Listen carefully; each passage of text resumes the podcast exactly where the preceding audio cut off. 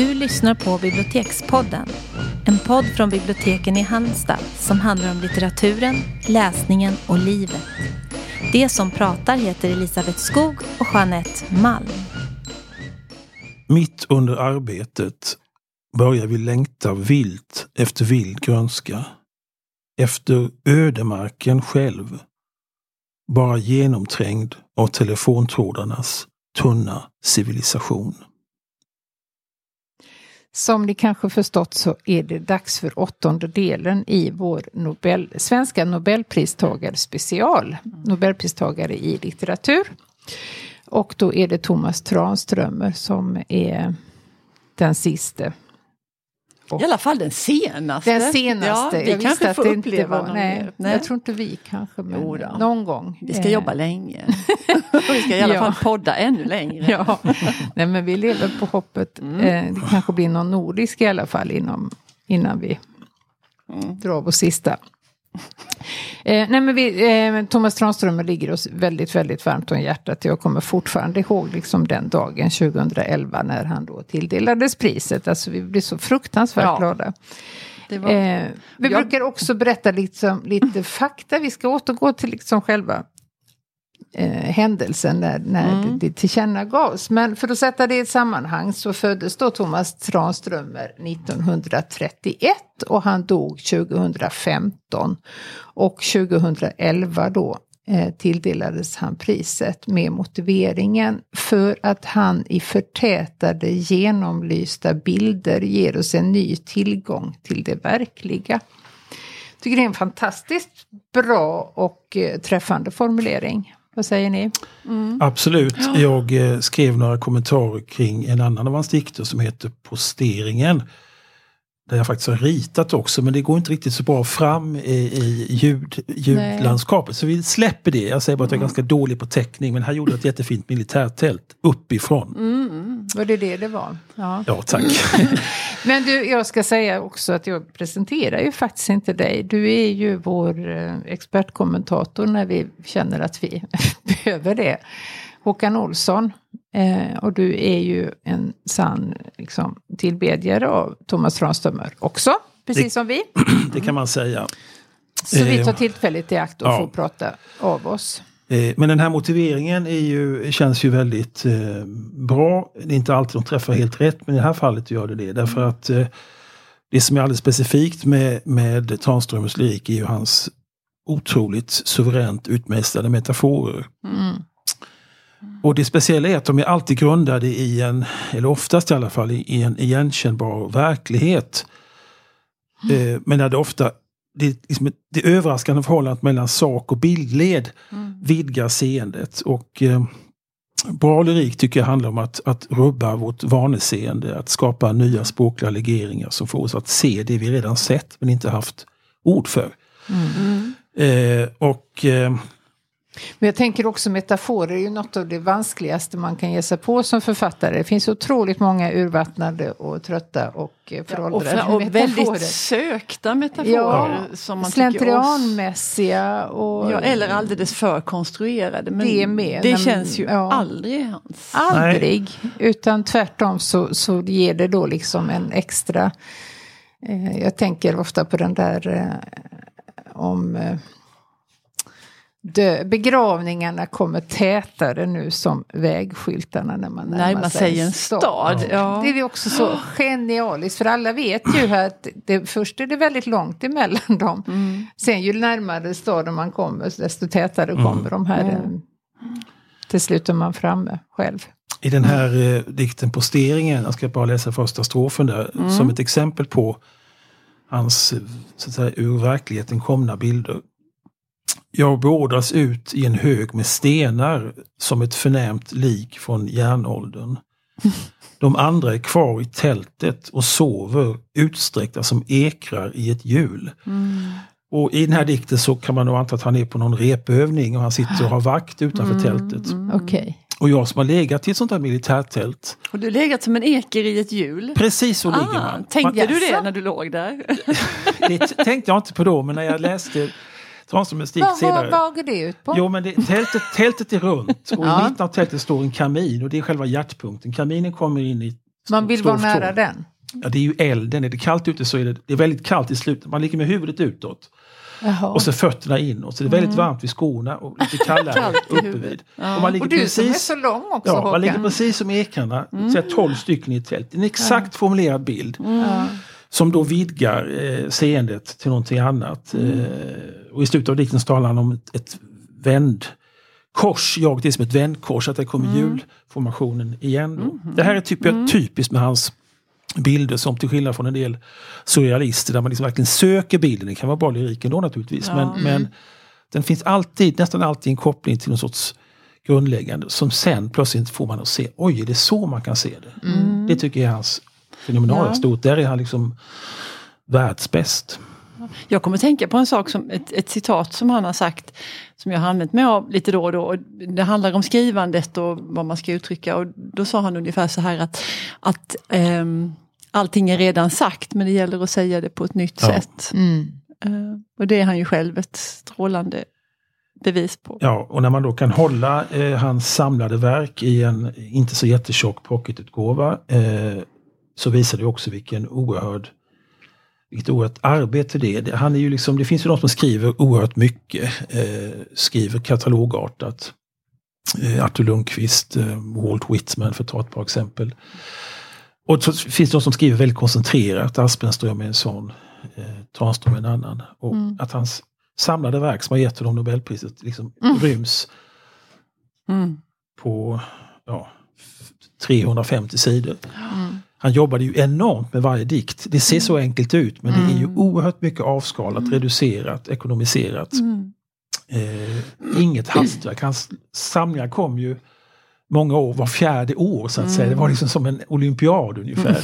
Man kunde nästan ställa klockan 50, 54, 58, 62, 66, 70 och så vidare. Men vad, han var väl också verksam, yrkesverksam under hela sin författarkarriär? Det var han ju. Han var psykolog. Ja, som psykolog. Han var bland annat fängelsepsykolog. Eh, Han jobbade i Västerås för arbetsmarknadsenheten. någonting. Så att han hade ju hela tiden, ända till slutet, eh, eller ja, de sista åren kanske på 80-talet innan han fick sin hjärnblödning så jobbade han ju halvtid, vilket jag tror, och många dikter som den här galleriet exempelvis, får, där hämtar ju material från sin yrkesverksamhet, handlar om psykisk sjukdom och så vidare. Jag tror att det, det gjorde det eh, jag tror han, han blev större lyriker av att inte bara sitta liksom och jobba som heltidsförfattare. Utan, Men det är också en oerhört läst och älskad författare. Eh, ja det är det ju. och och- lyriker. Absolut, och det, de är ju inte alls svåra. Eh, och sen är ändå Nej. tolkningen, innebörden, eh, är svävande som, som allt annat. Han skriver Ja. ju någon dikt att han avskyr uttrycket till 100 procent. Ja, just det. Ja. Jaha, varför det?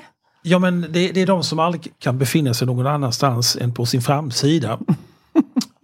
De som aldrig får se fel dörr öppnas och så vidare, ungefär så.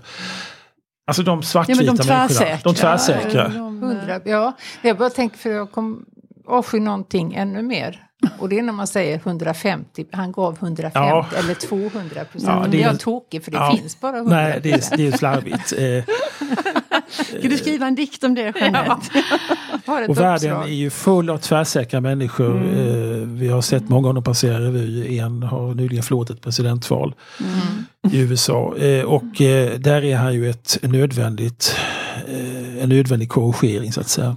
Fast 100 procentarna läser nog inte.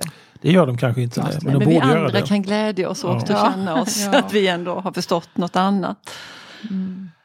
Eh, Men om vi backar lite grann eh, och tänker oss det här ögonblicket som jag nämnde förut när vi stod framför skärmen 2011 och det skulle tillkännages. Alltså det är ju det är ett väldigt stort ögonblick varje år. Ja.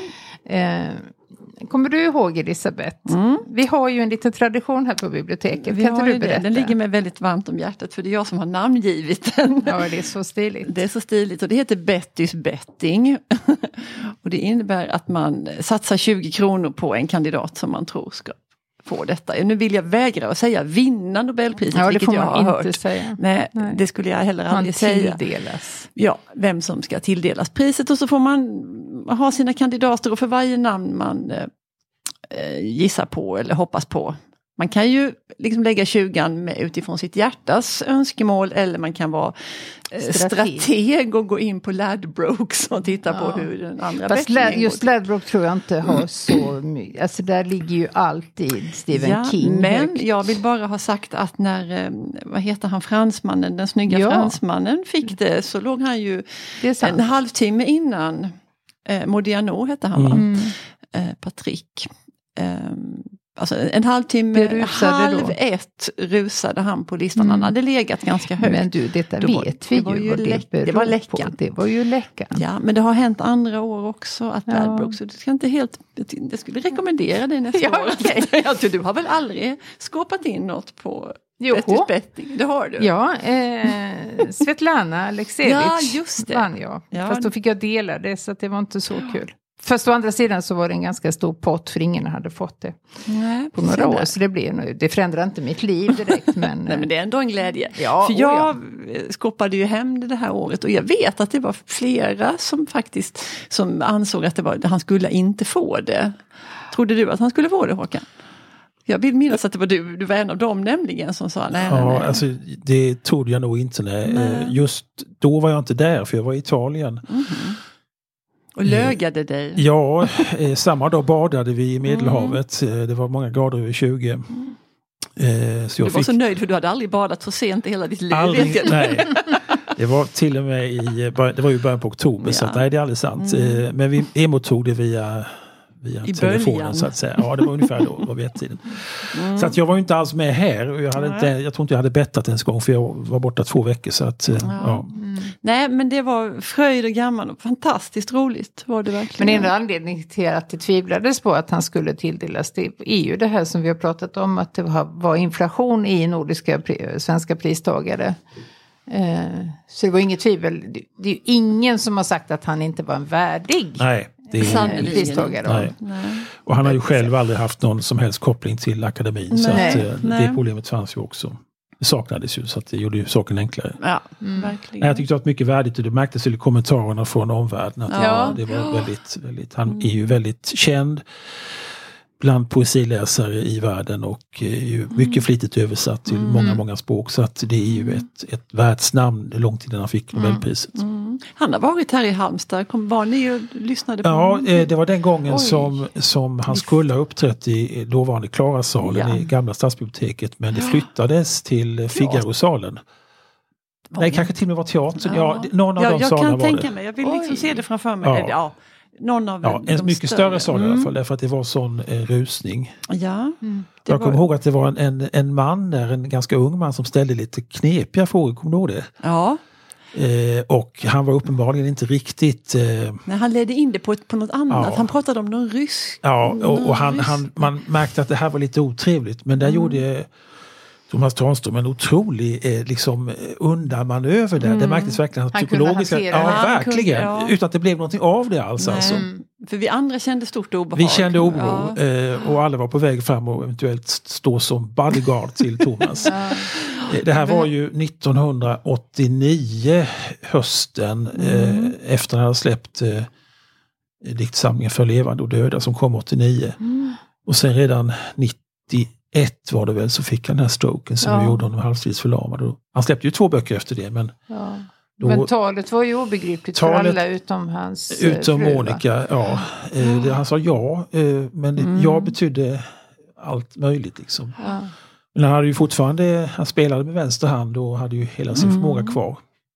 Och hans dikter blev allt mer sparsmakade och han gick ju mer mot haiku-formatet de Mm. sista åren. Så det här lite större prosapoetiska lämnade han bakom sig då som Mm. var kännetecknande för samlingarna på 70 och 80-talet. Östersjö exempelvis. Och kan jag inte få berätta när jag träffade honom och när jag körde honom i min bil? Vill Nej, ni höra skoj. det? Men det, var, men det var inte vid detta tillfället. Nej, det var det inte. För detta var om, om det var 89 så sa du att det kunde ha varit när Ja, var i det var Halmstad. 89. Ja, för då var det ett par år innan när jag läste litteraturvetenskap i Växjö. Växjö, då hette det Växjö högskola, inte alls Linnéuniversitetet som det heter nu. Och det var väldigt trevligt och en liten högskola och familjärt. Och man blev snabbt faktiskt god vän med både föreläsare och andra studenter och sådär. Men då så hade Thomas Hansson bjudits in till oss littvetare och efter det, vad var det väl då, ett litet nachspiel hemma hos en av de här docentfarbröderna. Och där blev jag medbjuden. och jag ska då ha till protokollet. Du gjorde inte en kupp? Nej, men jag fattade ganska snart att min roll var... eh, jag var den enda som hade bil, för ingen Ah. av dem... och han, och här Teleborg ligger lite utanför Ja. Väx- centrala Växjö.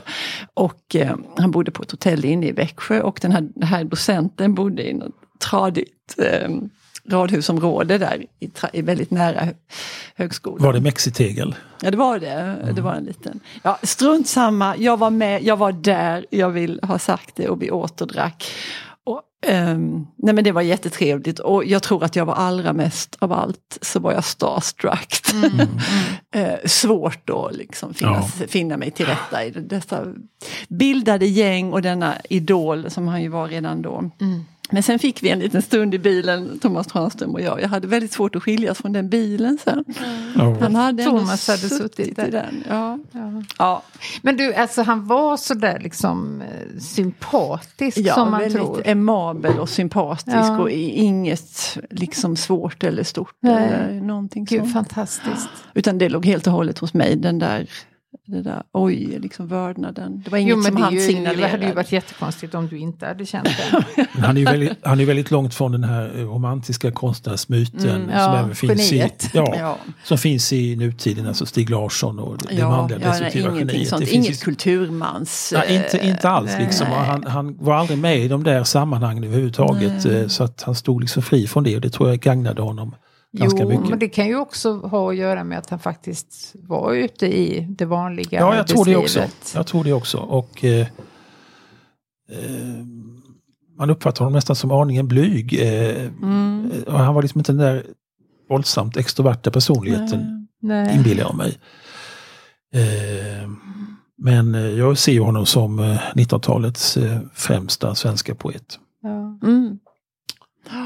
Faktiskt, jag menar, för, till och med före Gunnar Ekelöf och Mm. Aspenström och flera av de andra stora. Mm. Eh, Men just den här inledningsdikten som du tog, den, den har vi ju alltid anledning att återkomma till. Jag, känner, jag tänker på den varje gång när jag börjar jobba efter semestern och det fortfarande är sommar. Vild grönska Ja, utanför. eller att Ja. man liksom i maj när det liksom bara exploderar och man måste gå till jobbet och vara inne åtta timmar om dagen. Då längtar jag vilt efter vild grönska.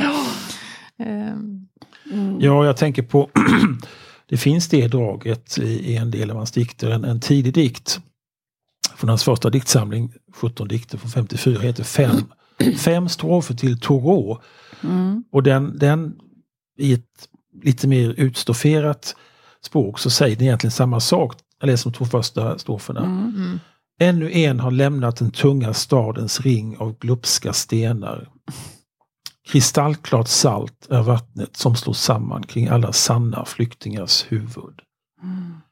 I en långsam virvel har tystnad stigit hit från jordens mitt att slå rot och växa och med yvig krona beskugga mannens solvarma trappa.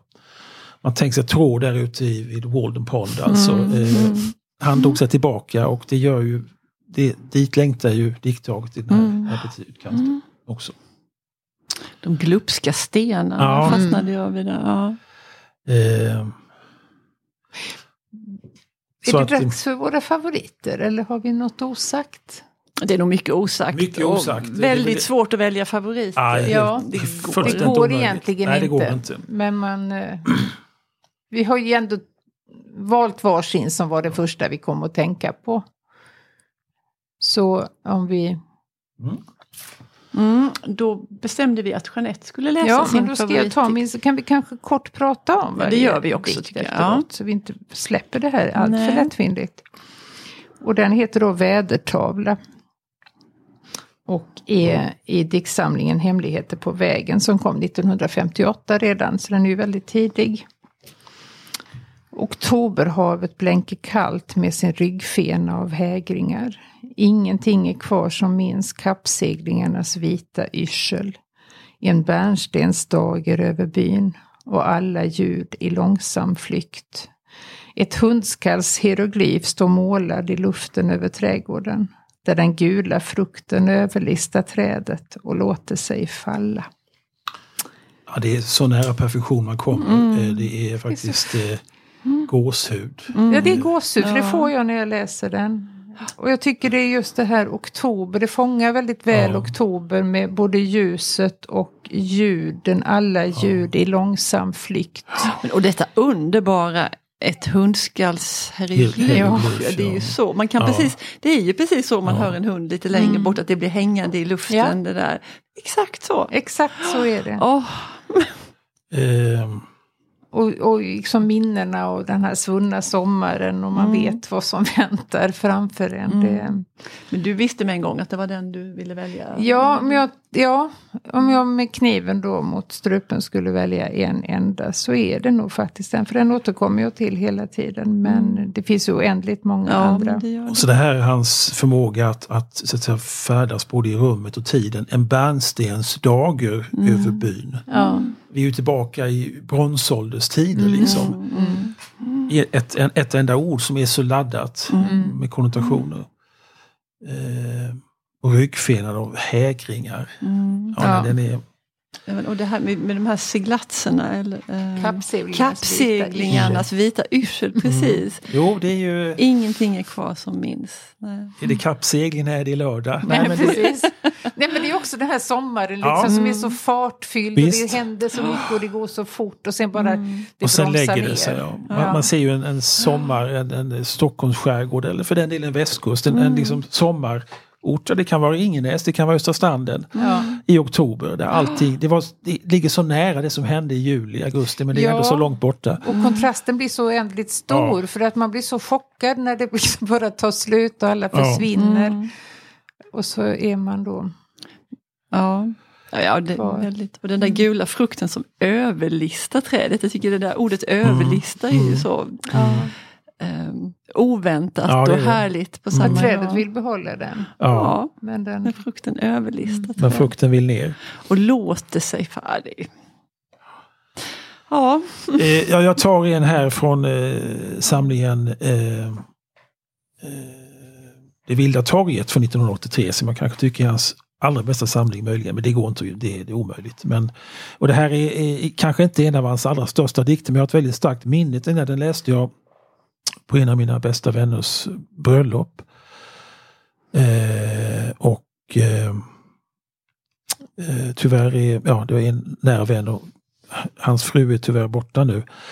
Eh, men hon hade gått igenom en ganska svår tid då. Hennes bägge föräldrar hade dött i snabb följd strax före bröllopet. Och hon var tunn och nästan genomskinlig. Och såg så fragil ut. Så läste jag den här som heter Eldklotter. Under de dystra månaderna gnistrade mitt liv till bara när jag älskade med dig. Som eldflugan tänds och slocknar, tänds och slocknar. Glimtvis kan man följa dess väg i nattmörkret mellan olivträden. Under de dystra månaderna satt själen hopsjunken och livlös, men kroppen gick raka vägen till dig. Natthimlen råmade. Vi tjuvmjölkade kosmos och överlevde. mm.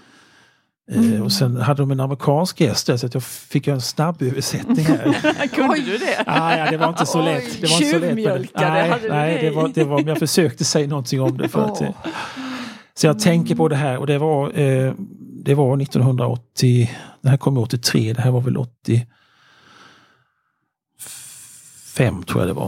Eh, så att, ja, Mm. Ja, det är också en helt fantastisk... ja, det är en väldigt vacker kärleksdikt i alla Ja, fall. det. Eh, Ja. Och att kroppen, själen sitter Själen har nästan gett upp men kroppen fortfarande känner någonting. Och det är den som liksom visar vägen framåt. Mm, mm. Ja, Elisabeth, Mm. your turn.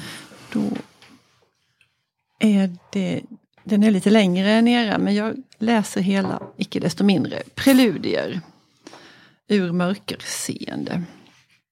Jag ryggar för något som kommer hasande på tvären i snögloppet.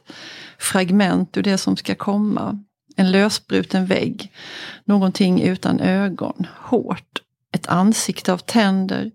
En ensam vägg. Eller finns huset där fast jag inte ser det. Framtiden en armé av tomma hus som letar sig framåt i snögloppet. Två sanningar närmar sig varann. En kommer inifrån, en kommer utifrån. Och där de möts har man en chans att få se sig själv. Den som märker vad som håller på att hända ropar förtvivlat stanna. Vad som helst, bara jag slipper känna mig själv. Och det finns en båt som vill lägga till, försöker just här. Den kommer att försöka tusentals gånger. Ur skogens mörker kommer en lång båtshake, skjuts in genom det öppna fönstret, in bland partygästerna som dansat sig varma. Våningen där jag bodde större delen av livet ska utrymmas. Den är nu tömd på allt. Ankaret har släppt. Trots att det fortfarande råder sorg är det den lättaste våningen i hela stan. Sanningen behöver inga möbler. Jag har, jag har rest runt livet ett varv och återkommit till utgångspunkten. Ett urblåst rum. Saker jag varit med om här visar sig på väggarna som egyptiska målningar, scener på insidan av en gravkammare. Men de utplånas allt mer. Ljuset är nämligen för starkt. Fönstren har blivit större. Den tomma våningen är en stor kikare som riktas mot himlen. Det är tyst som en kväkarandakt. Det som hörs är bakgårdarnas duvor. Deras kuttrande. Mm. Ja. Och Ja. kväkarandakten är ju, de är ju tysta liksom. Man säger knappt någonting alls. Inget tungomålstal. Långt därifrån. Så att det är ju väldigt val, väl valt. det som jag har liksom fastnat för och, och, och återkommit till massa gånger, det är ju det här mellanpartiet. Den här, Mm. helt genialt, det här två sanningar närmar sig Ja. varandra. Ehm, och där de möts har man en chans att få se sig själv. Det är också de här Mm. öppningarna som Mm. ges där, att man kanske inte vill det. Oftast vill man nog inte Nej. det, som han antyder. Eh, Tycker och man- inte prata om båtshaken. Ja, som, båtsaken ja, också. Den är så oerhört visuell, man Mm. ser den liksom Ja, komma in. hur? Fönstret är öppet, de dansar, Ja. det är en varm det är sommarkväll. svettigt Det är och svettigt härligt. ja. Och så kommer den här haken in. Mm. Helt surrealistiskt och liksom förändrar hela tillståndet. Den Ja. är fantastisk. Det är Men så- också uttrycket partymänniskor Ja. kommer så otroligt oväntat. Partygästerna. Partygästerna. Ja, det är oväntat. Ja, det är oväntat. Det är inte Ja. riktigt Tranströmerska så att säga. Nej. Nej. Ja, ja, man blir lite hög på det här Ja, tycker det blir jag. man. Ja, det blir man. Det är um, härligt. Vi har nämnt Tranströmer förut och vi kommer säkert att göra det igen. Men det här var vår då tillfälligtvis senaste eh, avsnittet av, i serien Svenska Nobelpristagare i litteratur. Men jag är så svårt att slita med. Mm. Ja. Men om det nu skulle bli en eh, svensk, eller vi kan utsträcka det till nordisk pristagare Mm. under vår levnad. Vem skulle det vara som i så fall är värdig detta pris? Vem är Ja. mest sannolik? Jag skulle tro att det är Knausgård. Du trodde att det är nära? Mm. Nej, det vet jag inte om det är, men jag tror att han är den. John Foss har talats väldigt mycket Ja. om. Eh, Han är ju kanske mest känd som dramatiker, men alltså Ja. eh, när tiden går liksom och man lägger, sig, lägger det här storverket Min kamp bakom sig, för det kommer man aldrig kunna återskapa, Nej. Så, nej. så tror jag att det kan bli ett sånt som, som faktiskt får det hela att rinna över till ett pris till honom. Det är inte osannolikt. Mm. Jag har ett annat bud och då tror jag på en eh, finsk poet. Och jag tror att Cirka Turka, Ja. vår, eh, en av våra favoriter, Ja. mycket väl skulle kunna få Ja. det. Eh, och om inte hon så varför inte Tuva Forsström? Nu Nej. sitter hon ju i Ja. akademin och För- det är ju det som är... Och, Och och på det tycker jag, ja, och jag tyckte nästan att det var lite synd av det skälet. Mm. Det var klart det var ju jätteroligt och allt det där att hon blev invald. För hon är ju en sån fantastisk röst och hon gör säkert ett hon gör, fyller säkert sin plats mer än väl i akademin. Men ur, ur Nobelprissynpunkt så tyckte jag det var lite synd. För jag tycker absolut att hon hade lätt platsat Mm. bland dem. Jag håller ju med er båda två. Eh, och sen råkar vi ju veta att Tuva Forsström är ju en varm anhängare av Karl Ove Knausgårds Mm, det hon. litteratur. Så att det kan ju mycket väl hända. Ja, det är nog inte alldeles omöjligt, men det Nej. kanske dröjer lite. Vi får väl se. Du då Jeanette? Du, Nej ja, men det, du- är- det är ju de, här två. Ja. Eh, Kan, Jon Fosse har jag inget förhållande till överhuvudtaget så att det kan jag inte uttala mig om. Och någon annan har jag jättesvårt att se faktiskt, att det skulle vara i den. Inte i den, av den kalibern. Nej. Vi får bida vår tid helt enkelt. Mm. Spännande är det. Men för idag så säger vi, och vi tackar särskilt Håkan Olsson Tack idag så då, mycket. som är inte så svårövertalad nu för tiden Alls och inte. locka in i studion. Oh, nej, det gick, gick till med att ändra tiden så att allt gick bra. Allt gick bra. Ja. Mycket bra. Men då säger vi hej för idag. Tack och hej! Tack, Hej, tack. hej. hej.